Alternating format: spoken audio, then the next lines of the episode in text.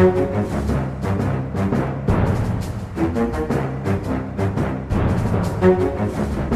bra. Da er vi i gang med en ny runde med Aftenpodden. Det er torsdag morgen i studio. Friske og raske. Ikke preget av høstens mørke dysterhet i det hele tatt. Trine Eilertsen, god dag, god dag. God dag, god dag. Rynkefri som vanlig. Altså som en vårdag, vil vi kalle det. Sara Sørheim, god morgen. Hei, hei. Jeg har knust brillene mine, men ellers er jeg her, og alt annet eh, går bra. Ja, ikke sant? Jeg har limt de med superlim, og det må man aldri gjøre. Hilsen optikeren min, fordi da er de ødelagt for alltid. Til orientering. Ja, Et lite tips i hverdagen der. Og, og inne direkte fra Glasgow, Kjetil Astheim, i en grønn telefonkiosk. Eh, hvordan går det? Ja.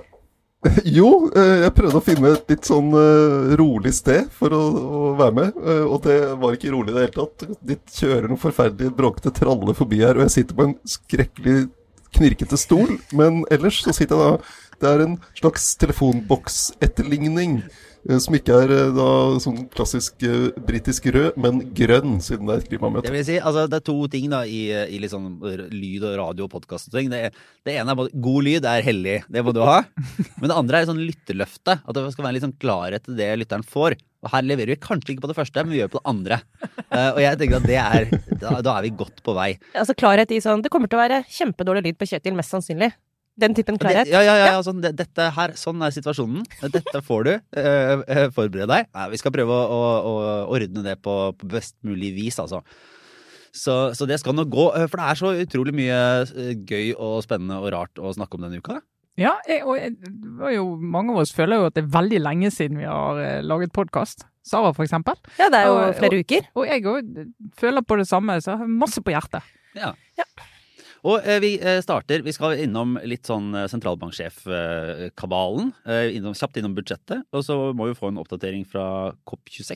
Eh, og så kan det vel hende det blir et par ord om den siste i rekken av politikerbøker. Nemlig Siv Jensens eh, dramatiske eh, oppgjør med Carl I. Hagen. Ja, jeg har faktisk bladd gjennom og lest ganske mye i den boken, jeg. Ja.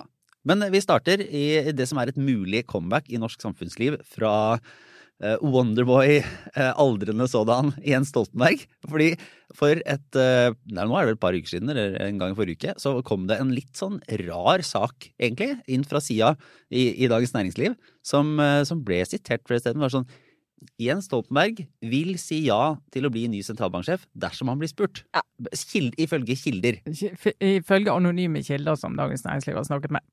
Og det er sikkert riktig, det. Det er sikkert riktig, det. Eh, Det har jo foregått i høst en litt sånn gryende kampanje for at eh, Jens Stoltenberg egentlig skal bli det eneste navnet som står igjen. Og akkurat nå er vi jo der, så skal vi jo komme mer inn på hvorfor det er, og hva det kan føre til. Men den, den saken kommer jo da, for den, den er sånn rart formulert. Eh, sånn at hvis du aldri altså ikke har hørt den hviskingen eh, og snakkinga før saken, så er det veldig sånn Hæ? Liksom, hva, hva betyr det? Men det er jo et, et eh, Det er en ikke-bekreftende bekreftelse, på en måte. Altså det er spinn på et meget høyt nivå. Og Den måten dette kommer ut på. liksom, i den, i, Nå skal ikke jeg eh, snakke ned eh, andres eh, radar, men særlig kanskje i sånn journalistens litt sånn spissede øre, så er den den er liksom rar nok, eller diffus nok, og eh, sånn eh, at, at man bare sånn Ok, her er det et eller annet, da. Fordi det er sånn, det er en sak som er så på en måte tynn i det at det At det bare Hæ? Hva? Hvis han blir spurt, så kan det Han sier ikke sjøl engang. Så er det sånn. Nei. Men når den likevel da, fra en, altså en, en dyktig journalister og, og, og god avis i, Dagens Næringsliv kommer, så blir det sånn Å ja, ja, men her er det et eller annet du kommer til å måtte følge litt med på. Men det har jo vært en konkurranse, det kan vi fortelle. Altså, det har jo vært en blant i hvert fall mange redaksjoner om å få den saken først, for det har vært snakket om nå i høst. Uh, husker ikke hvem som nevnte det først, men, men det er en sånn spekulasjon som har liksom dukket opp her og der. Men vel så mye at noen bare har tenkt høyt, som at det har vært et, noen som har hatt liksom et eh, håndfast spor å følge. Eh, men det betyr at det er mange som har jobba med den saken. Sånn at det var jo en liten skalp da for eh, DN i denne her litt sånn indre konkurransesituasjonen å få den saken. Men det er også derfor den blir litt sånn rar, fordi det ble om å gjøre å få det ut først, og ikke vente til man faktisk har en, en håndfast bekreftelse, da.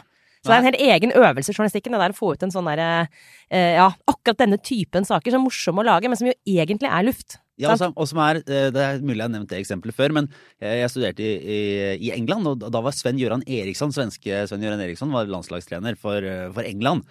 Uh, og så dukka det opp et rykte da i britiske tabloider om at han hadde et eh, forhold eh, til da den en TV-stjerne, Ulrikka Johansson, som også var svensk.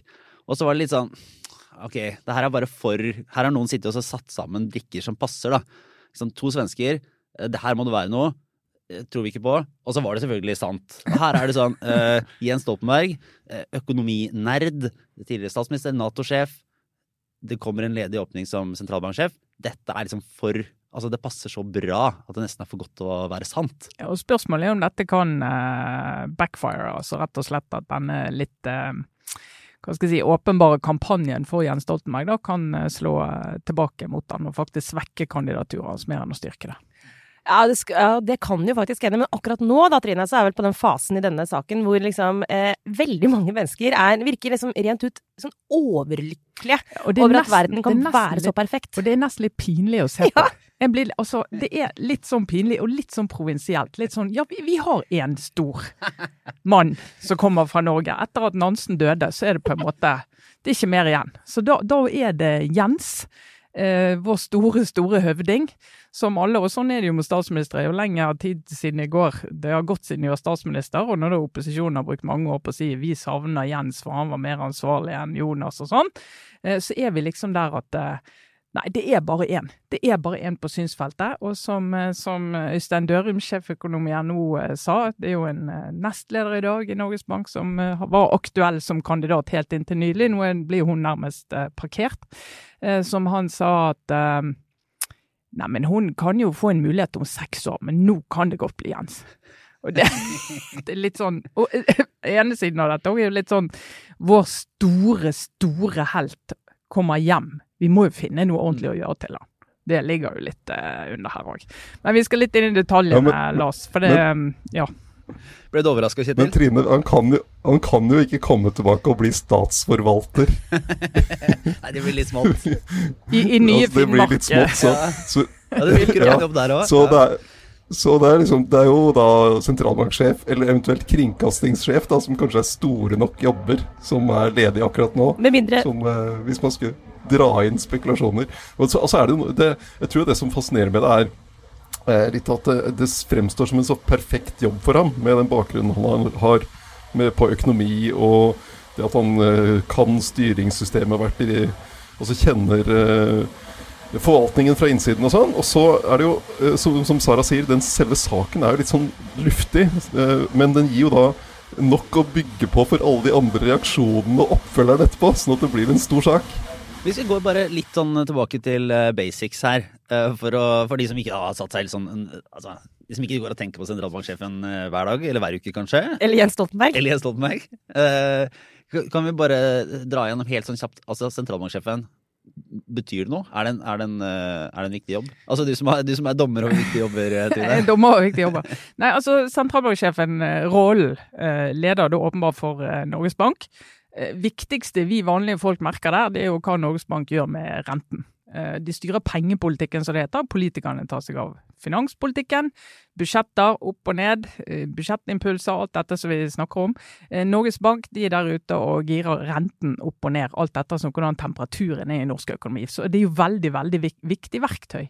Og uavhengigheten til banken kom for noen tiår siden, så ble det slått veldig fast at banken må være helt fri fra politisk styring, fordi at du kan ikke ha en pengepolitikk som på en måte skal enten styrke eh, politikernes eh, tanker om hvor mye penger vi skal bruke, eller svekke det som følge av politiske beslutninger. Du må liksom se hva er bra for, eh, for økonomien som helhet, og for valutaen og alt dette. Jeg får bare kjapt liksom skille politikk, politikk og pengepolitikk. Pengepolitikk er altså egentlig ikke partipolitikk. Nei, og det er veldig kjølige parametere på hva som virker og ikke virker. Eh, og valuta er selvfølgelig kjempeviktig, altså kronekurs eh, og rente er, er veldig viktig. Eh, og hva liksom fart du har i økonomien, og hva effekter det får på lang sikt og sånn. Men det andre rollen, eh, som dette jo da er, og det kan vi jo også vidt komme tilbake til, sjefen i Norges Bank er styreleder av oljefondet Og ansetter oljefondsjef. og ansetter oljefondsjef. Eh, og den, han skal jo da, hun eller hun skal jo da også uh, hva, hva er det en del har skrevet nå? Holde Nicolai Tangen i ørene. Er sånn, her ligger det som en sånn premiss at Nicolai Tangen er helt på sjølstyr, uh, og trenger en som er sterk nok til å holde han i ørene. Eh, du har strukturer rundt han som jeg tror gjør at det, det går ganske greit av seg sjøl, i tillegg til at man er nok mer enn over middels kompetent. Eh, Men det er de to rollene. Og så har det vært en diskusjon om de to rollene bør eh, bemannes av samme person. Eh, og Gjedrem-utvalget, som skulle kikke på dette, Svein Gjedrem, tidligere sentralbanksjef, eh, tidligere finansråd, byråkrat med lang, lang erfaring eh, i Norge. Og det utvalget mente jo at du bør skille disse rollene. Du bør tenke på oljefondet sånn som du gjør på Folketrygdfondet, og ha en styreleder som er løsrevet fra Norges Bank, så bestemte politikerne seg for at de skulle likevel være i en rolle. Og det tror jeg blir litt av problemet nå i den diskusjonen. Ja, for her er det jo litt sånn at de som mener at Jens Stoltenberg er uh, nesten umulig å se forbi, ser jo på den rollen som, som styreleder i oljefondet er liksom ekstremt viktig, viktig om da ikke skal være et verktøy, i hvert fall, da, som, som sånn, det har enormt mye å si for Norges uh, framtid. Du må forstå liksom, bevegelsen internasjonalt, uh, hvor man skal gå inn, hva som er liksom, retningslinjene, hva som, hva som måtte skjønne vinden da, og ha kontroll. Og så er det den mer uh, nerdete regnestykkebiten på, på pengepolitikken. Selv om der var litt interessant var det et av argumentene for Jens Stoltenberg Uh, var, han hadde levert en av de beste eksamensoppgavene gjennom ja. tidene i samfunnsøkonomi. Ja, sånn, i, i, prekambrium. Gratulerer med det. Altså, for, jeg, for, jeg skal argumentere for at der, hva man leverte på eksamen, uh, trenger da å være noe spesielt godt argument når du er 62. Nei, eventuelt noen av oss også som aldri har levert noen særlig eksamener. Hvor lenge skal det forfølge en i livet, liksom? Det er litt ufint. Nei, men, men det, er jo, altså, det, er jo, interessant på den måten at en del av de som har uttalt seg om dette, blant annet en del såkalte sånne sjeføkonomer, de eh, trekker frem hans eh, bakgrunn som økonom og mener han som om han er liksom en av få samfunnsøkonomer i dette landet. Det, sånn, finnes en del av de, og det finnes en del av de som har mer relevant, fersk erfaring for å lede Norges Bank enn Jens Stoltenberg har. Og bare for å si det, jeg argumenterer ikke mot at han skal ha den jobben. Eh, for det har ikke jeg forutsetning for å gjøre. I motsetning til en del andre, så tror jeg at det, det, det, er folk som er bedre i stand til å vurdere akkurat hva kompetanse den personen skal ha. Blant annet så kjenner det indre livet i banken godt. Vet hva de må gjennom eh, av endringer internt, kanskje organisasjonsendringer. Altså ting de må gjøre som ikke direkte går på den rollen vi ser ut av, da. Det er det helt sikkert folk som sitter og jobber med i disse dager. Eh, men at han har en, en, god faglig bakgrunn, det blir liksom løftet opp som en sånn Jøss, han er jo sosialøkonom, så passer ikke dette veldig, veldig, veldig bra. Men det er den Unnskyld. Det er den der eh, ideen, tror jeg, hvor man lett lar seg forlede av at det er en perfekt liksom, story. Eh, og det ser på utsiden ut som en sånn Ja, det ser perfekt ut på mange måter, og det er jo helt åpenbart at mange, meg selv inkludert, har jo en uh, relativt sånn uh, Hva skal vi si for noe? Altså, de minnene om Jens Stoltenberg blir jo, som du sa, Trine, gylnere og gylnere for, uh, for hvert år som går. Og vi har jo eksempler, vi har jo eksempler på nå kommentarer som er sånn langt over i det helt sånn himmelropende patetiske. men jeg skal bare si før vi kommer inn på det, for det må vi faktisk dvele litt ved, at jeg kan generelt være en tilhenger av at å være toppleder slett ikke betyr at du må sitte på en sånn veldig sånn faglig høy kunnskap, fordi du har folk som skal gjøre det. Det er mange eksempler på toppledere som faktisk bør være gode ledere først og fremst, og så har de liksom, folk under seg til å styre liksom, de litt mer sånn faglige beslutningene.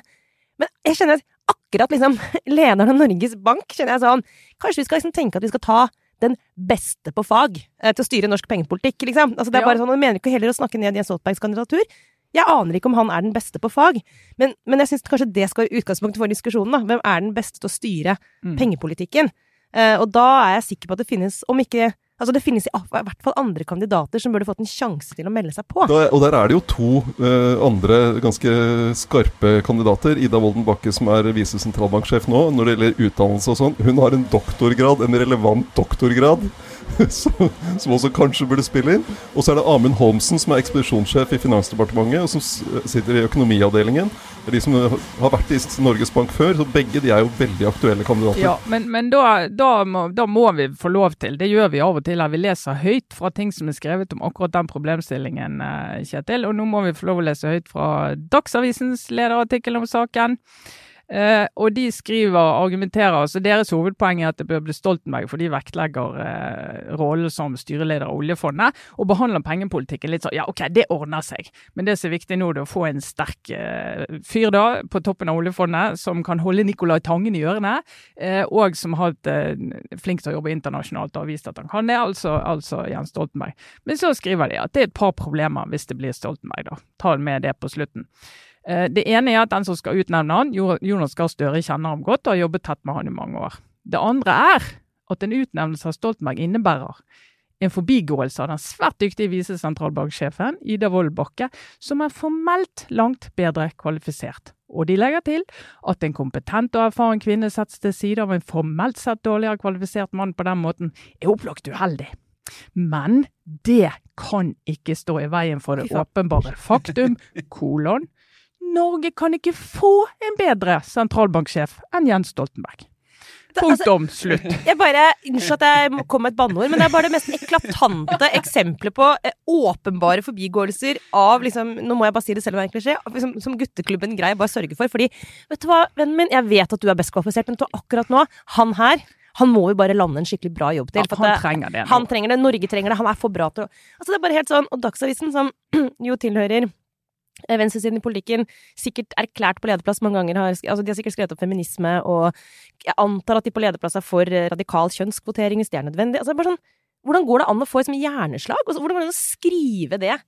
Flat out. Altså, en ting er å mene det og tenke det, men å faktisk skrive det i en lederartikkel. Sånn, beklager, men her er det riktig å forbigå eh, kompetanse, fordi Sorry, han mannen her, han må faktisk få den jobben. Det var ja. Ja, nei, men, det, men så for i, å si i rettferdighetens navn, da, Ja. den lederen er det mange som har ment mye om. Den går sin seiersgang eh, på sosiale medier. Not for the, for the right reasons, det må jeg bare legge til. Eh, så er jo eh, tyngdepunktet i den lederen er jo at det er oljefondsjobben, styrelederjobben i oljefondet som er viktig, fordi at nå skal oljefondet liksom få en enda tydeligere, eller klimarisiko skal håndteres enda tydeligere i oljefondet. Eh, og som jo noen da har tolket som at nå skal oljefondet redde klimaet og bare investere i grønne virksomheter. Det er jo over hele hodet ikke hensikten med det. Dette har vi snakket om, Kjetil. Eh, men, men det som kommer inn som en diskusjon nå, er jo det er det riktig at dette er samme person i de to rollene? Eh, Kjetil, hva syns du? Jeg, jeg, jeg merker her at jeg er helt uenig med Stortinget, og helt enig med Gjedrem-utvalget, som ville ha en splitt. Ja, altså jeg mener et argument, Noen argumenter for at det skal være sånn som i dag, er at du forholdt oljefondet i den nøkterne kulturen som Norges Bank har. Altså Det er jo en veldig nøktern, eh, forsiktig institusjon i, i sin natur. Og det er jo en fordel i, i det å skulle forvalte en så stor formue som det oljefondet er. Eh, så det, Og så er det jo Jan Tore Sanner eh, satte ned et utvalg eh, rett før, eh, altså i, valg, i valgkampen som skulle se på oljefondets rolle sånn internasjonalt, altså hvordan ulike ting kan påvirke fondet. Og så la han inn som en del av det oppdraget at de skulle se en gang til på denne organiseringen av fondet. Eh, også veldig kort tid etter at, at dette var avgjort av Stortinget. og Det kom jo en del reaksjoner på det. og nå har jo da vår nye finansminister, Trygve Magnus Slagsvold Vedum, tatt det ut av, eh, av oppdraget til det utvalget. Så det skal ikke utredes på nytt. Nei, og det, og det er jo på en måte ikke så rart, siden Stortinget nettopp har sagt at det vil de ikke. Eh, men, det, men de poengene om at altså, oljefondet det er kapitalforvaltning. Altså Det er spesialøvelsen kapitalforvaltning, mens Norges Bank det er spesialøvelsen pengepolitikk. Og på å si, Vi fotsoldater kan jo tenke at ja, kan du det ene, så kan du det andre. Men, men, men sånn er det ikke.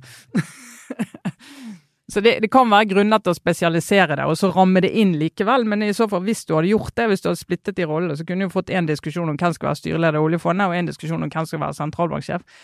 Men problemet nå med denne Jens Stoltenberg, hva skal jeg si, nesten religiøse vekkelsen som går over landet, da, det er jo at altså, hvis jeg hadde vært Ida Wolden Bakke, og jeg har aldri snakket med henne, så jeg vet ikke hva hun tenker om dette, eh, hvis jeg hadde vært hun, så hadde jeg liksom tenkt mm, hvis jeg nå skulle få den jobben, så ville jeg liksom bare sitte en haug med folk og tenkte å nei, Mm. ble det hun og ikke Jens? Og derfor jeg lurer litt på, hvis det, denne kampanjen mot Jens har noe med Jens Stoltenberg å gjøre, at han har liksom litt sånn taktisk prøvd å sende ut noen prøveballonger for å få liksom undersøke, som det sto i Dagens Næringsliv, hva syns folk i det norske samfunnslivet om dette hvis han skulle komme, så tror jeg at det kan backfire. Da burde han ligget mye, mye lavere, og så bare tenkt OK, jeg vil ha den jobben, jeg stiller meg som kandidat og blir vurdert som alle andre. Det er ikke som at han trengte å selge seg inn for at folk skulle huske hvem han er, på en måte. Eh, men da, da leder det oss jo over til en litt annen altså Dette kan være en slags bro, Lars, over til det som det er kanskje er ja. neste tema. Jeg vet ikke. Ja, nei, kjør på. Prøver? Den, den broen ser lovende ut. Og hvis ikke, så får vi bare kollapse som eh, broen over Kvai. Eller ja. Uansett. Det, det var en referanse, så jeg er ikke sikker på de yngste lytterne våre tar uten videre, Sara. Jeg er litt usikker på om den egentlig kollapset også. Anyways, den ble kanskje bygget. Poenget er jo det med å få liksom gamlesjefen på besøk. Nå tenkte jeg på Støre, altså, hvis Stoltenberg får den jobben. Jeg vet jo ikke hva han tenker om det. Eh, Han vil jo helt sikkert bare være positiv til det hvis han blir spurt sånn offentlig, hvis Stoltenberg får den. Og gud så mye stress det blir med sånn uavhengighet og sånn. Men ok. Ja, men altså, men altså for Støre, som har hatt skyggen, altså skyggen fra Jens Stoltenberg hengende over seg hele sin tid som partileder, og har det Endelig statsminister. Absolutt, og endelig ble han statsminister, og så kommer han hit. Og jeg tror for folk, folk flest, for vanlige folk, så er nok liksom den rollen som Jens da eventuelt ville fått De tenker sånn Ja, han er sikkert sjefen til statsministeren, egentlig. Sant? Ja, det er han som egentlig bestemmer. Å, men så fint, da! For da kan liksom Da er Stoltenberg egentlig sjefen. Det er ikke til å unngå. Og den derre 'hvem er egentlig sjefen'-greia, det, det kan vi si mye om. eh, Og noen har sagt mye om det denne uka. Det er nemlig broa over til Siv Jensen. Ja, som har Er vi der nå? Det er vi, som har skrevet uh, bok, sammen med Gunnar Ringheim, uh, tidligere Dagbladet-journalist. Han skriver også en del fortsatt. Som må sies er en av Presse-Norges aller hyggeligste menn. Eh, så gratulerer med bok. Eh, jeg har ikke rukket å lese den, så jeg har egentlig hørt eh, oppdateringene. Men du har vært inn og, gjennom Ja, journalistlesen. journalistlesen, ikke sant? Ja. Og, og, og der er det jo i, i rekken av oppgjør denne høsten, da, så er vel dette er det tydeligere enn Jaglands eh, mange små. Her er det jo et generaloppgjør med Carl I. Hagen og hvordan han egentlig kom tilbake og, og har vært en torn i siden da, gjennom hele den lederperioden, mer eller mindre. Og, og hvordan det som var et veldig sånn jeg vet, altså, jeg vet ikke helt hvor varmt og, nært forhold var, i hvert fall Ja, et, sånn, et politisk, fall, eh, konstruktivt eh, samarbeid, da. Ja, og Carl. Hagen backet jo Siv Jensen da hun seilte opp som eh, hans eh, arvetaker, som eh, formann, som det jo heter. Eh, og og ikke noe som tyder på Jeg tror hun skriver også, altså, sagt av intervjuene, at liksom, det var på det tidspunktet der en følelse av at han helt reelt støttet henne, og ønsket henne opp og frem. Men, da, men nå er det jo Det er det som er litt vanskelig, da, er jo i sånne politikksamarbeid, så er jo den eh, det, har jo, det, er, det er en annen tone i boka enn det har vært i, i offentligheten tidligere. Ja, liksom. det er jo, Så- sånn at, eh, det er jo, Og her, her får man jo liksom se litt baksiden av det forholdet som, som det riktignok har vært åpenbart har hatt en del eh, Hva skal man si eh, Har vært litt eh, litt, litt vanskelig innimellom. Og det har vært litt sånn litt tøff stemning, og det har vi jo sett utad også. Men, men eh, Jensen legger jo ikke skjul på her hvor, hvor vrient det har vært, da. Og gå ganske kraftig eh, til angrep egentlig på Karl Jagen. Ja, det jeg vil si det er karakterdrap. Han står igjen eh, egentlig uten ære.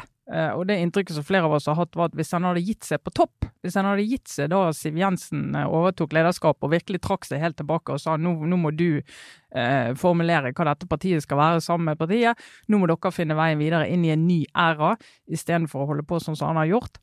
Eh, Så har han jo kommet ut av dette som en av de store politikerne i Norge fordi han bygget Fremskrittspartiet fra bunnen av, eh, og klarte å, få partiet så stort og egentlig stå på terskelen av veldig mye makt, som jo var der eh, Siv Jensen begynte å jobbe videre, da. Men bare for å si litt om, den boken. Den bærer preg av Det ene den bærer preg av, er selvfølgelig at hun har gjort det helt slutt med norsk politikk. Så hun slamrer med dører i en del retninger, og det er jo alltid gøy å lese om. Eh, Men det andre er at eh, jeg tror det var Tone Sofie Agle som kommenterte det, at han er skrevet litt for nært i tid til en del av begivenhetene. Så du, du merker, og De bøkene som veldig, kommer veldig kjapt etter at politikeren eh, har gitt seg, de er veldig farget av liksom ferske egne opplevelser. Eh, Du har ikke helt tredd på denne analytiske, litt sånn ordentlig selvkritiske hatten, da, også på det politiske, som ofte er interessant Mm. å lese om eh, i de bøkene. Så ikke sånn veldig spennende på en del av de sakene, men en del av de menneskehistoriene er jo Det er gøy å høre hennes versjon, da. Mm. Og på Carl I. Hagen så er det rett og slett han fremstår altså som en av de kjipeste personene i norsk politikk. Eh, Og Jan Arild Snoen har jo utdypet dette på Facebook i et innlegg som bare forsterker bildet av en mann som egentlig tenker mye mer på Carl I. Hagen enn på verken partiet og velgere. Ja, hun skriver jo rett ut f.eks. at han var veldig opptatt av sin egen privatøkonomi, eh, og det skrives noen om også. Jeg kommer med, påstander der rundt eh, liksom, at han har vært bedt om å få ekstra lønn osv. Det får vi jo det får, de, det får stå for deres regning, de påstandene der, for det har ikke jeg undersøkt om stemmer. Men, men det er jo god research, og både Snoen og Siv Jensen har jo eh, gode kilder, åpenbart, inn der. Men, men det som fascinerer meg også, er at um, hun beskriver en mann som virker å ikke ha liksom, noe evne til å se seg selv utenfra. Og det bare er så fascinerende liksom, at du kan være en så god politiker og være så eh, dyktig på å lese liksom, for eksempel stemninger i folket. Det er ingen tvil om at Carl I. Hagen er et sånn enormt Han er sånn politisk dyr på det. Han skjønner hva han skal si i veldig mange sammenhenger. Jeg har sett han sitte i debatter live og bare vinne en sal full av studenter som åpenbart ikke stemmer på ham. Altså, ja, kan si mye om det, hans evner, men akkurat når det kommer til å lese seg sjøl, null! og så det at han Men hvis jeg kan smette inn der, Ja, smette inn. det var jo en evne han hadde. Mm. Ja. Eh, og så tror jeg egentlig han har mistet den. Ja. Han, er, han greier ikke å, å følge med lenger, sånn som han, å lese stemninger sånn som han en gang gjorde. Og han har jo vært sentral i Oslo Frp hele veien, og Oslo Frp er jo en katastrofe. Mm. Uh, han prøvde å bli ordfører i Oslo, det greide han jo ikke. Så det er, det er noe med Jeg tror han har mistet den teften han hadde. Og så har han jo Det er litt av den samme gründersyken du ser i næringslivet. At hvis du har liksom bygd opp en bedrift, så er det veldig vanskelig å, å gi slipp på den. Mm. Og la noen andre overta og lede den videre. Eh, og da kan du, hvis du da blir værende, så kan du heller bidra til å ødelegge den og bygge den ned. Fordi Siv Jensen tok jo Frp til, til, eh, til noen høyder som Hagen ikke greide. Og hun tok Frp inn i regjering, som Hagen aldri fikk til. Nei, og, og, Eh, så, og det at han ikke greier å anerkjenne det, men hele tiden skal si at det ville vært smartere hvis hun gjorde sånn eller slik, eller da ville de kommet over 30% og sånn, det er jo så smått. Det er så smått, og han klarer liksom ikke heller å se at det har verdi for Frp å ha vært i regjering og sitte i regjering, og klarer ikke engang å, å løfte frem de gjennomslagene de fikk. Han har alltid vært eh, kjip på det. Den, jeg synes den eh, saken som Siv Jensen beskriver som gjør egentlig sterkest inntrykk, er jo når hun beskriver det hun tenkte rundt eh, Hagen sine kommentarer om eh, 22. juli-etterforskningen. Eh, altså litt ut på 2012 eller når det var. Eh, så sa jo han det at han skjønte ikke hvorfor politiet skulle etterforske den saken. Han, eh, Anders Behring Breivik hadde jo tilstått. Skulle liksom politiet bruke masse ressurser på å finne ut hvem som ble skutt når, og rekkefølge og, og alt det der. Foreldrene de visste jo hvem som hadde gjort det. Eh, og, og det var jo, som Siv Jensen sa, det var bare helt Hun ble matt, er vel ordet hun bruker, da, men hun bare forteller om en enorm frustrasjon. Og det var nei, det var inn mot valgkampen, ja, på høsten der. Fikk liksom fra tillitsvalgte i hele landet at hvorfor skjer dette? Han gjør det så vanskelig for Selvfølgelig vil foreldrene og de pårørende alle sammen vite hva som skjedde med akkurat deres barn. Selvfølgelig vil de det, og det kan jo alle identifiseres med. Men som hun sa, det var et sånn veldig veldig tydelig eksempel på at han har mistet den evnen til å se folk og menneskers behov, da. Mm. Det fascinerende er jo i, i Frp nå, da, er jo at han, han sitter på Stortinget, og Siv Jensen er ute. Så øh, Ja, det er jo fortsatt en, eh, en, en faktor. I hvilken grad det er en maktfaktor, kan jo sikkert diskuteres, og det vil vi jo se etter hvert som, som stortingsgruppa setter seg, og, og hva slags rolle han får. Men, men eh, sånn sett så, så er jo ikke Siv Jensen på en måte, Den saken ligger jo ikke død og er en konflikt da mellom to ekspolitikere. Det er jo faktisk en, en, eh, en folkevalgt som, eh, som på en måte blir utsatt fra det, for dette fra sin egen partileder. Mm, Så at det der sånn dynamikkmessig og hva som er eh, god kutyme, er jo litt det, det går liksom litt alle veier her. Ja, men Hvis vi skal se litt også ut, bare på de to rollene, uavhengig av at det er i politikken, så er det jo De er begge, Siv Jensen og Carl I. Hagen, gode eksempler på hvordan å gi seg på en konstruktiv og smart måte. Og slutte eh, på et riktig tidspunkt og gå ut døra og si at nå, nå er jeg ferdig, vær så god, neste. Og, som jo er Siv Jensens måte. Og Carl I. Hagens måte, som er det der å ikke klare å slutte. Og det er overførbart. Altså vi, jeg tror alle kan komme på eksempler, og det er dessverre veldig ofte menn. Skal ikke si at det er fordi de er menn, men bare konstaterer at det fins en del eksempler på menn som bare fortsetter å henge rundt eh, på steder hvor de har hatt veldig mye makt. Og da skal jeg bare si at det krever altså en rolleforståelse og en evne til å være konstruktiv som ganske få mennesker behersker. Men jeg har opplevd øh, folk som har behersket det, og som har blitt en kjemperessurs øh, for liksom, den organisasjonen de tilhører. Som har klart å gjøre akkurat det. Som har blitt igjen eh, fått en annen rolle og fungerer konstruktivt fordi de bidrar med å dele kunnskap. De er liksom kontinuitetsbærere. Altså, Er det en, Jeg har erfart at det finnes. En, en såkalt nestor?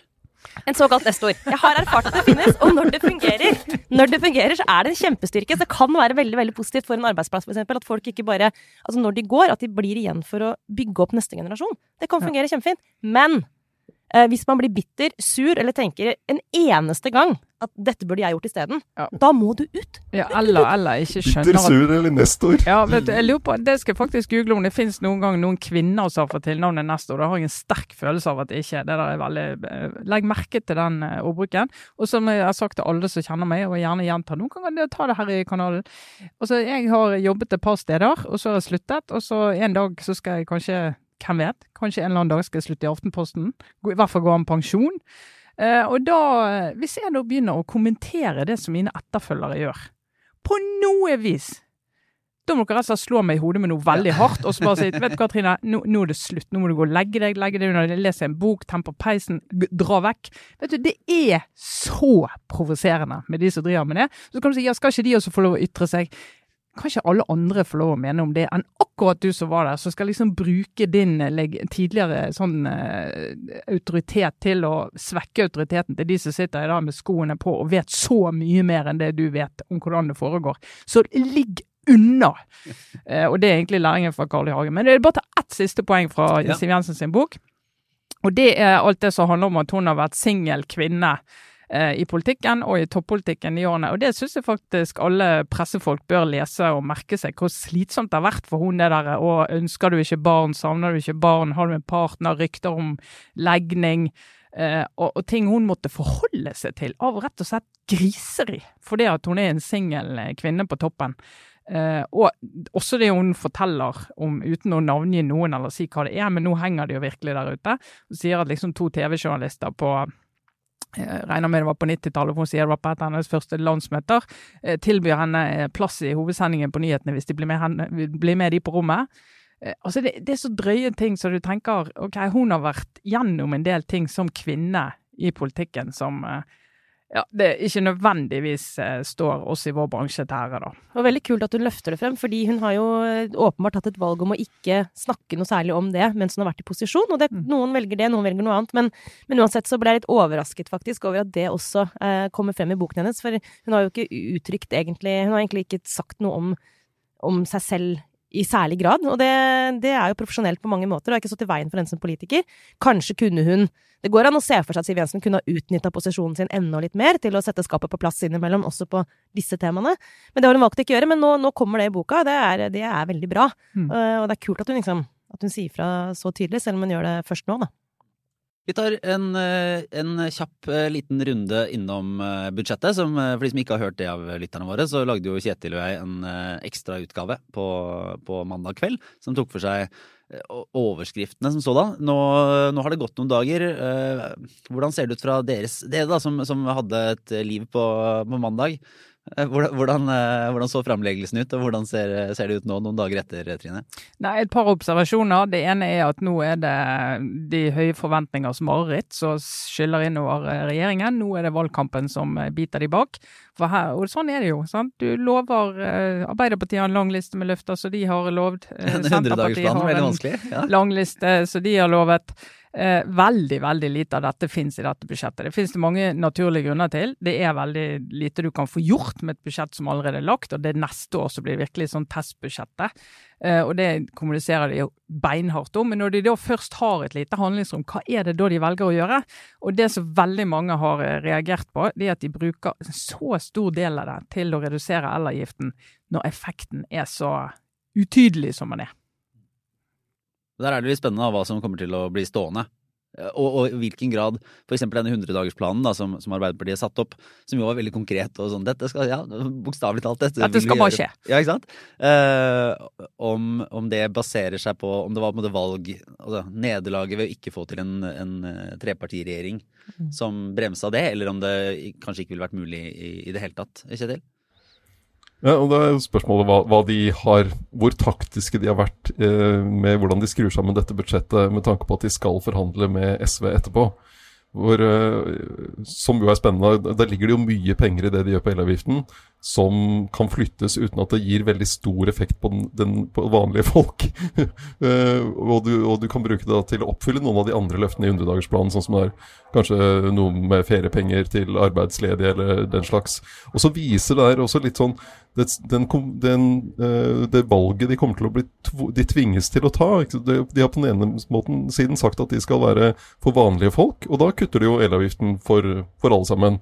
Og på den andre siden har de sagt at de skal eh, redusere forskjeller, og da må du være, litt, da må du være mer målrettet. Da, da tar du og gjør et eller annet med denne brillestøtten for barn som de har eh, vært så sinte på i, i lang tid, eller den type tiltak som er mer målrettet. da.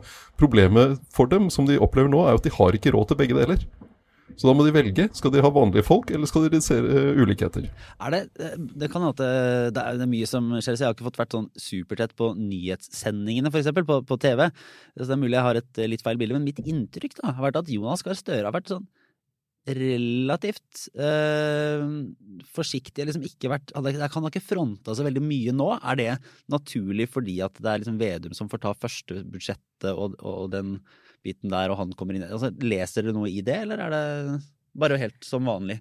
Men det er ikke bare Vedum Det er sikkert, det er sikkert et element her. At det skal være finansministerens eh, liksom, Det er jo hans oppvisning, eller hennes, hvis det er en kvinne. Men um, det er jo også noe med de Altså alle statsrådene hans. De har vært, det har vært ganske sånn Virker snart ganske tydelig, vært fra Arbeiderpartiets side.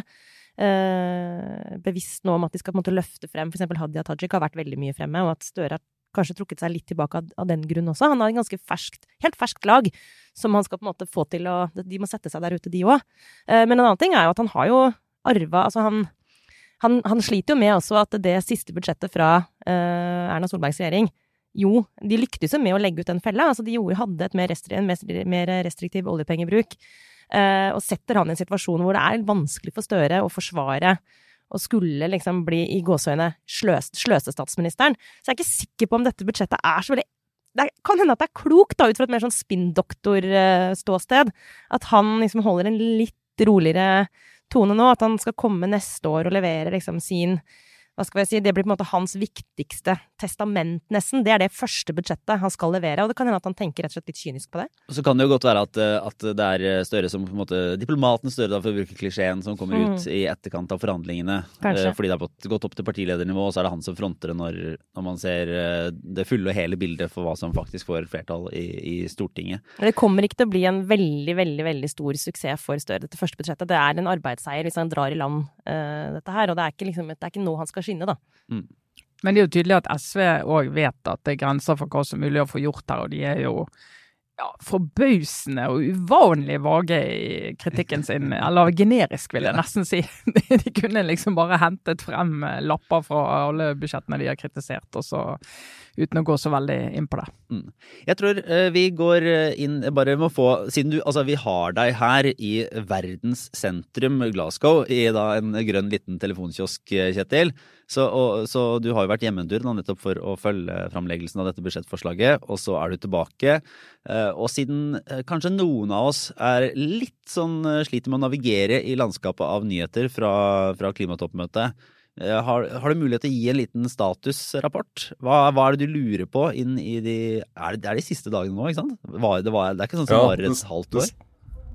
Ja, det skal uh, egentlig være ferdig i morgen, altså fredag. Og så regner vel mange med at det sklir over i lørdagen en gang, eller søndag. eh, Litt avhengig av hva det, hva det, hva det blir. Det, og da er det en del ned på veldig sånn tekniske detaljer om internasjonal klimahandel og, og sånne ting.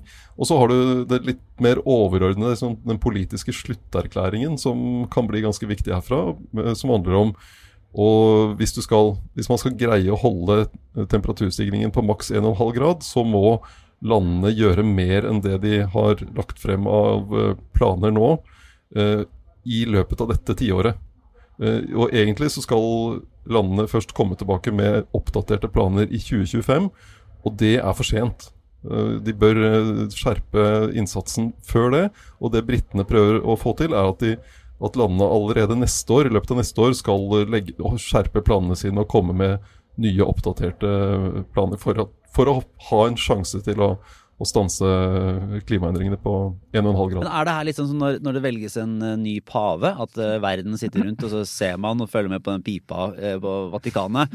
Uh, og så hvordan er det? Når det kommer Hvit røyk. Når det kommer hvit røyk, så har de funnet en ny pave, og fram til det så er det bare liksom grått. Og, og det er like liksom ugjennomtrengelig da, å vite hva som skjer fram til de kommer ut og presenterer dette. Er, er, det, er det litt sånn samme stemningen i Glasgow, eller får man, har du liksom noe drypp som gjør at man kan ha en oppfatning nå på om dette ser ut til å gå bra eller dårlig?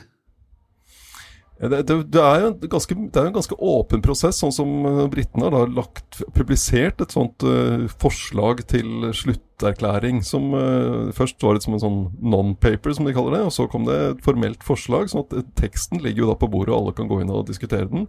Uh, og så har du kom det en litt sånn overraskende utspill fra Kina og USA i går kveld, og med en sånn felleserklæring om eh, eh, med ganske mye, mange ambisiøse formuleringer, eh, som er viktig for den prosessen her, fordi de to landene må du ha med. Det er de to største utslipperne, og de skuler jo mye på hverandre og har mange spenninger. Og det at de greier å samarbeide på klima, er, er vel, det var noe av det som gjorde Paris-møtet i 2015 til en suksess, var nettopp at de to greide å samarbeide. Så det er lovende for resultatet herfra.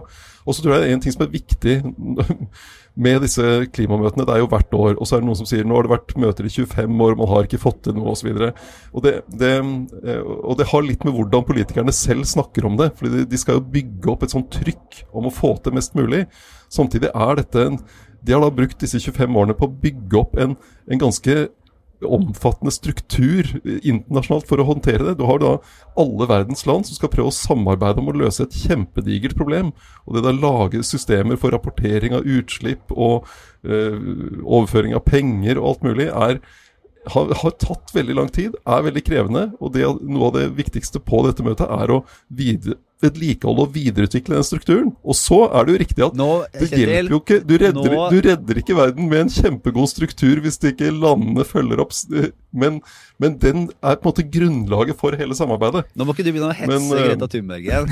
Da, eh, det, her, det, her, skaper liksom kiler inn i eh, Aftenpåden-lytterskaren og, og, samfunnet generelt. Hele helgen din ødelagte. Nå nevnte du ikke det navnet, da, men da kan jo jeg heller, eh, heller bare si at jeg er jeg slutter ikke å la meg fascinere over de sosiale medienes mangel på evne til å se nyanser i, i den diskusjonen. Eh, og Kjetil skrev da en kommentar eh, før forrige helg der han skrev at, eller på lørdag var det vel, at Greta Thunberg er en eh, veldig viktig aktivist eh, som har bidratt veldig til å få opp bevisstheten rundt klimaproblemet, men nå har hun begynt å bruke en retorikk som rett og slett kan ende i det, i det litt autoritære og antidemokratiske. Helt relevant problematisering. Uh, og du blir jo da er, er, du blitt kategorisert som litt sånn klimafornekter, Kjetil, eller er du bare en gammel mann, eller hva, hva, er problemet med at du overhodet løfter denne tematikken? Det er opptil flere som mener jeg er en boomer, men er jo, jeg er jo ikke i den generasjonen. Boomer, så det er faktisk ja. Men, men eh, bare for, å for vi ikke går rett i skyttergravene her, da. Så, så, må, så, så for nå får du muligheten da, til å liksom, nyansere eller forklare det. Altså, for, fordi din Eh, din kommentar er, er vel da spørsmålet om, om Greta Thunberg da, i, og, og, om du kan kalle det ungdomsopprøret, går så langt i kritikken at, at man begynner å spille på, på antidemokratiske strenger, egentlig. Eller, eller det er en Skaper så mye misnøye at det blir uh, trøbbel? Eller hva Altså, det var, det eh, utgangspunktet var jo det Greta Thunberg har sagt her nede på, i noen demonstrasjoner og sånt, der hun drar det veldig langt i at uh, på disse klimamøtene skjer det ingenting. Uh, og dette er bare uh, et, dette er et forræderi, og, altså, og, det kommer ikke til å skje noen endring på, altså, i den prosessen som er her. og da, da, mener jeg du, hun, hun skaper en, egentlig en håpløshet. og hun hun, hun, anerkjenner ikke de fremskrittene som faktisk gjøres. Jeg mener, jeg mener Parisavtalen er kjempeviktig for at verden skal håndtere dette problemet. Det ble jo løst i denne prosessen. Men hva, opplever, var, var, du like også, konstruktiv Var det, var, det, var det den konstruktive linja du la deg på da du var i Natur og Ungdom uh, i sin tid? Er, er, det ikke, er, det ikke, naturlig rollen da å ha som en sånn Som den uh, som vel, liksom, unge aktivistene, og skal de ta ansvar for de nyansene? Jo, men Kjetil snakka jo ikke liksom, på talerstolen. Han sto vel ikke i, i, FN i New York og prata, tror jeg i hvert fall, Kjetil, da du var eh, NU-aktivist? Nei, jeg gjorde nok ikke det. Altså Det som eh, Sånn som jeg opplevde Natur og Ungdom den gang, og opplever Natur og Ungdom nå, og norsk miljøbevegelse generelt, er at de er Du kan være veldig skarp i kritikken, og det mener jeg det er all grunn til å være. Altså Det er en del av aktivistenes rolle. Det skjer jo for lite. Det går jo for sakte. Men så må du kanalisere det engasjementet sånn at du påvirke politikken. Uh, og det, uh, Barack Obama holdt en tale her nede uh, denne uken og snakket veldig mye til de unge og sa at dere har all rett til å være sinte, men dere må ikke gi opp politikken. Mm. Det skjer, det har skjedd fremskritt siden Paris i 2015. Og, og, og, dere må gå, bruke, kanalisere engasjementet inn, sånn at det kan påvirke noe og gjøre noen endringer. Det Men eh, for, for, det, er bare, det, er bare, det, er bare, morsomt å se også den kritikken. Da. Fordi du, altså du ble, ble du arrestert for sivil ulydighet i sin tid, så du har gått opp den grensa sjøl? I hvert fall eh, uh... anholdt? Uh, ja, uh, men Jo, jo, altså Det er Jeg var, jeg var ofte mer en sånn som organiserte de andre som eh, ble arrestert. Pushe de ut, sånn at de ble arrestert. Nei, men altså, så Bare en liten observasjon til. da, Det er jo at selv ganske voksne lesekyndige mennesker, eh, og det, dette er bare et eksempel på det, denne saken er bare et eksempel på det, eh, de forholder seg til tittelen på teksten. Eh, og Tittelen på teksten din var vel 'Er det lov å kritisere Greta Thunberg?' Og så kommenterer de det, og de gidder ikke, orker ikke å bruke tid på å dra gjennom et resonnement. Og jeg mener det er et eller annet helt sykt i veien med debattklimaet når folk skal mene om ting de ikke engang har giddet å lese. Og så kan de si 'jeg ligger bak myr', ja, men så får du la være å kommentere det, for da vet du ikke hva som står der. Altså, Men, det var, men, det, men er det lov å kritisere Greta Thunberg? Det er jo et polemisk spørsmål som, som Men utfordringen er jo fyrer opp på akkurat det spørsmålet. For det er jo selvfølgelig Ja, du, er det lov. du- du må jo gjerne, og da er det jo mange som sier ja, det er mer enn flere enn mange som kritiserer Greta Thunberg hele tiden, og det, sånn er det jo. Men, men da må, kan du jo da tenke, når en som Kjetil Alstaheim stiller det spørsmålet, kan det være at han har noen tanker som er, eh, interessante for meg å reflektere over? Eh, og det er det mange av de som har eh, hoppet på denne her bølgen. Som, og jeg ser dette bare et eksempel som ikke har gjort, og de bare kaster seg på. Altså Det de mener om, det er deleteksten til den forrige som mente om det til den som mente før der, som kanskje har lest teksten med de skeive brillene på, og til slutt så spinner debatten ut et sted som ikke tar oss ett eneste steg videre. Da tror jeg vi går inn i en liten runde med obligatorisk refleksjon. Jeg vet ikke om du vil dra i gang, jeg, Sara? Med, Jeg kan gjøre det. Jeg kan bare ta en kort anbefaling, jeg, for jeg har jo prøvd å bruke denne helvetes, unnskyld at jeg sier det, forkjølelseshøsten til noe fornuftig, så jeg har sett mye på TV og lest mye bøker. Og da, kort anbefaling. Eh, pandemien, eh, som vi jo dessverre har måttet forholde oss til, har jo nå endelig, får vi si da, skylt inn i populærkulturen. For da er det noe sånne som meg, eh, som har en hang til undergangshistorier, jo kan trives med å kose seg med, er jo en liten sånn, des, sånn, litt sånn dystopisk pandemihistorie. Så det er aldri så galt, og så videre. Så nå er det liksom en del eh, serier og bøker og så videre som tar på en måte opp i seg denne, denne egentlig ganske mørke perioden vi har vært gjennom. Eh, og da er det noen som gjør det veldig bra, og noen som ikke gjør det fullt så bra. Så egentlig en anbefaling, og en litt sånn mm, med. Og det siste, da, det er jo serien The Morning Show. Som, som går på det derre Apple-TV-greiene. Som tidligere har fått uh, ros. Ja, som tok uh, metoo inn i populærkulturen Ja. på en veldig kul måte. Akkurat. Og den første sesongen med Jennifer Aniston og, og Reece uh, Hva heter hun? Witherspoon? Witherspoon. Ja. Nei, de lyktes jo nemlig med det, med det, med det første. Og de måten de behandlet metoo på i den første sesongen av den serien, er superbra og veldig interessant. Og det er en veldig god, både underholdende, men også interessant serie. Så nå er sesong to ute, og da eh, er det åpenbart at pandemien kom akkurat litt for seint. De har prøvd å ta det inn i manus. Men de får det ikke liksom Ja, vi får høre om andre Noen kanskje er uenige med meg, da, men det blir liksom haltende. Det er liksom en opportunity lost. Så der burde de ha venta enda litt mer. Og de, det er jo et program om en, en, om, en, om en nyhetsredaksjon. Så det er jo bare helt perfekt å bruke denne situasjonen vi har vært gjennom. Men det får de ikke helt til. Eh, så den sesong to, en liten skuffelse. Eh, men i litteraturen så må jeg bare kort Jeg er ikke alene om det, men jeg må anbefale Anne Holt sin siste krimroman. eh, Det ellevte manus. Ikke for plottet sin del, egentlig. Det er en helt, helt fin krimroman, sånn plottmessig. Men for skildringen av Oslo under pandemien, som hun Aha, får utrolig mye ut av. Ja, og hun er den forfatteren så langt som jeg har lest, som klarer på en måte å beskrive den derre utrolig rare følelsen av å gå gjennom Oslogatene på natta. Den, det ordet jeg tenker på er eerie, hva heter det på norsk? Altså den derre sånn rare, helt sånn Guffen. guffen og Ja. uvirkelig, men også sånn vakkert. Det Oslo under pandemien og på natta. Det hendte jeg var ute og liksom på vei hjem, hadde vært ute og gått tur, eller Det var utrolig vakkert, men det var også veldig sånn sårt og trist. Og ja, jeg følte nesten Oslo blei på en måte et levende vesen som jeg syntes så synd på. Sånn. Og alt dette her får Anne Holt eh, fanget veldig fint i den boka, så det er egentlig bare, jeg vil bare si det, en veldig varm anbefaling. eh, og 1-0 til Anne Holt over Morningshow, da, på liksom å bruke det her drittpandemien til noe, til noe bra. Ja. Nei, jeg har lest eh, Jeg har jo flere ganger anbefalt Åsa Linderborg, eh, som jeg syns er eh, spennende å høre på og lese, rett som det. Nå har hun skrevet svensk kommentator i Aftonbladet, tidligere kultursjef der. Virkelig en sånn stor profil i svensk samfunnsliv. Og hun har nå skrevet en tekst på NRK Ytring som handler om at hun sier nei til å være på TV. Hun er like gammel som meg nei til å være på TV fordi at hun eh, vil ikke at alle skal se hvordan hun har eh, blitt eldre. Eh, Rynker og ting som kommer halsen Oi, og ja. eh, altså og en lang tekst om det, som jeg, jeg merket når jeg leste den, så jeg, jeg ble så utrolig provosert, da. For det er sånn Og så du, Åsa Linderborg, som jeg liksom har holdt der oppe.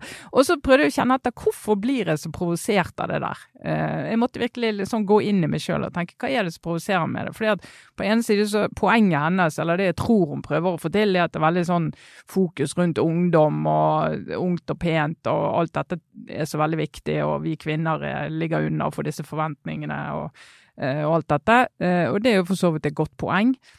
Men det som egentlig gjorde meg provosert, var at hun i hennes posisjon, som er en så skarp tenker, som er så flink å resonnere og analysere og sette sammen informasjon og alt det som du og formidle, ikke minst, at hun skal liksom ta ut det som en sånn problemstilling, nesten i sånn vi eldre kvinner må forholde oss til. For det må jeg bare si, dette er helt fremmed i mitt hode. Altså, jeg ser jo at jeg blir eldre.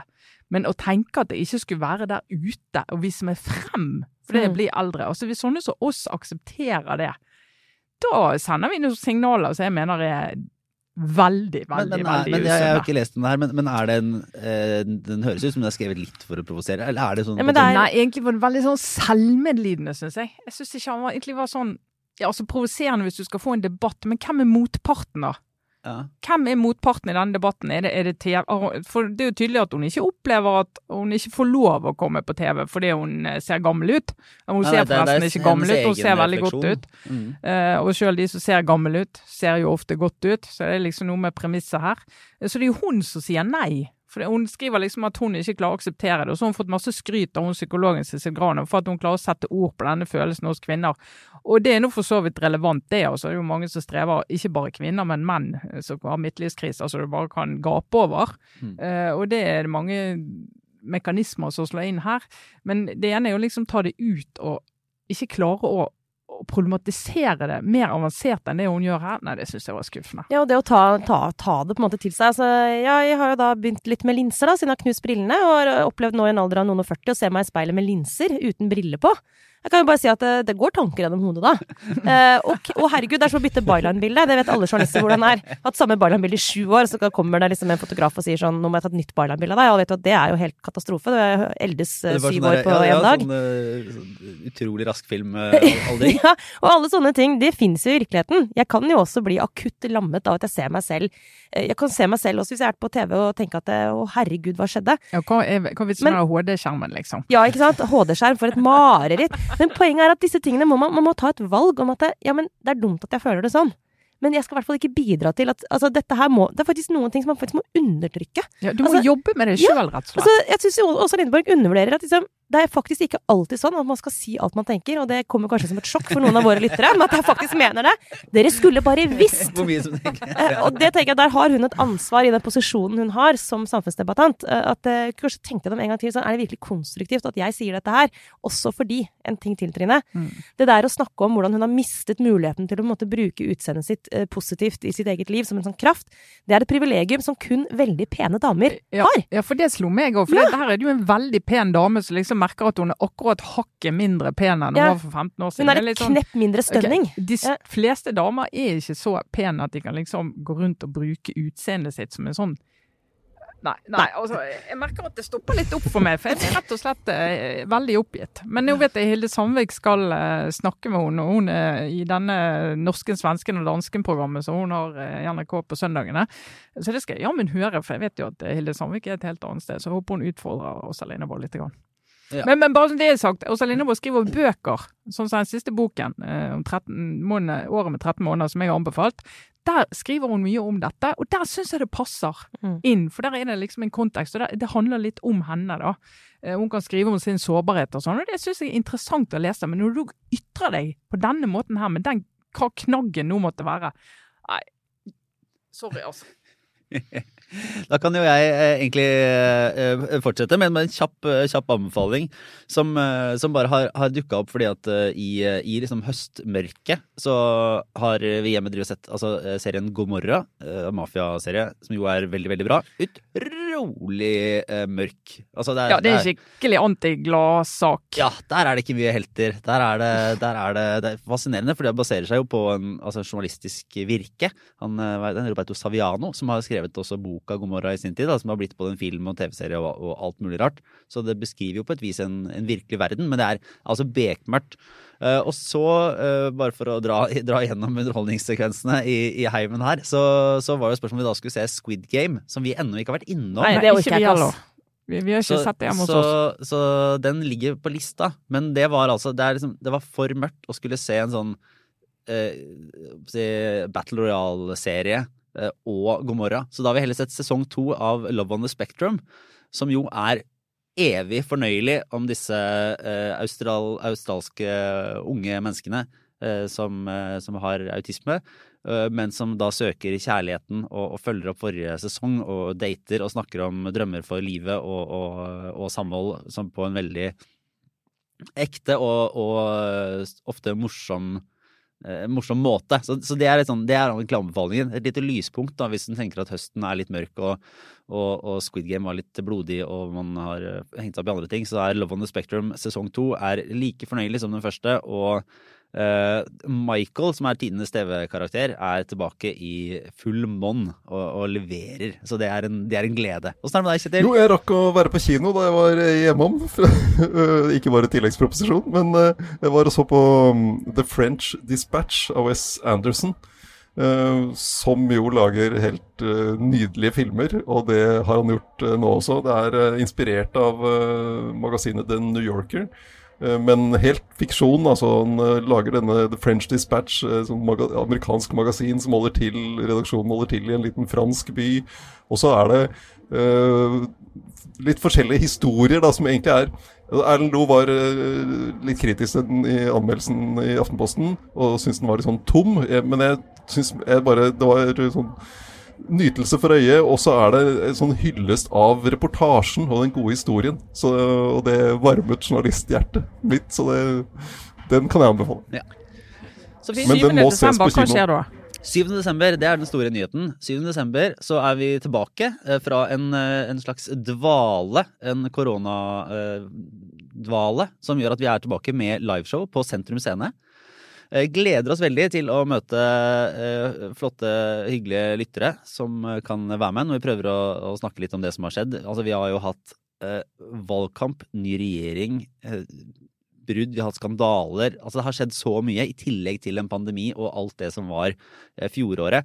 Så det blir en, en skikkelig pakke av det vi syns er gøy å prate om. Så kan det jo hende at det blir noen gjester også, men det er i hvert fall Sentrum Scene 7. desember. Eh, billetter eh, kan eh, skaffes via billett, vanlige billettkanaler. Og vi skal legge da en lenke i nyhetsbrevet, selvfølgelig, som, som gode abonnenter får nå torsdag, med, med også det vi har av informasjon. Så vi håper jo, om ikke alle får plass, så håper vi jo at, at alle har lyst til å komme, for vi tror det blir gøy. Og, og, og det blir en like morsom anledning som resten. Og det blir jo ditt første, din første livesending, Kjetil, blir det ikke det? Vi skulle jo hatt en live sånn ca. fire dager, tre-fire dager etter at jeg begynte.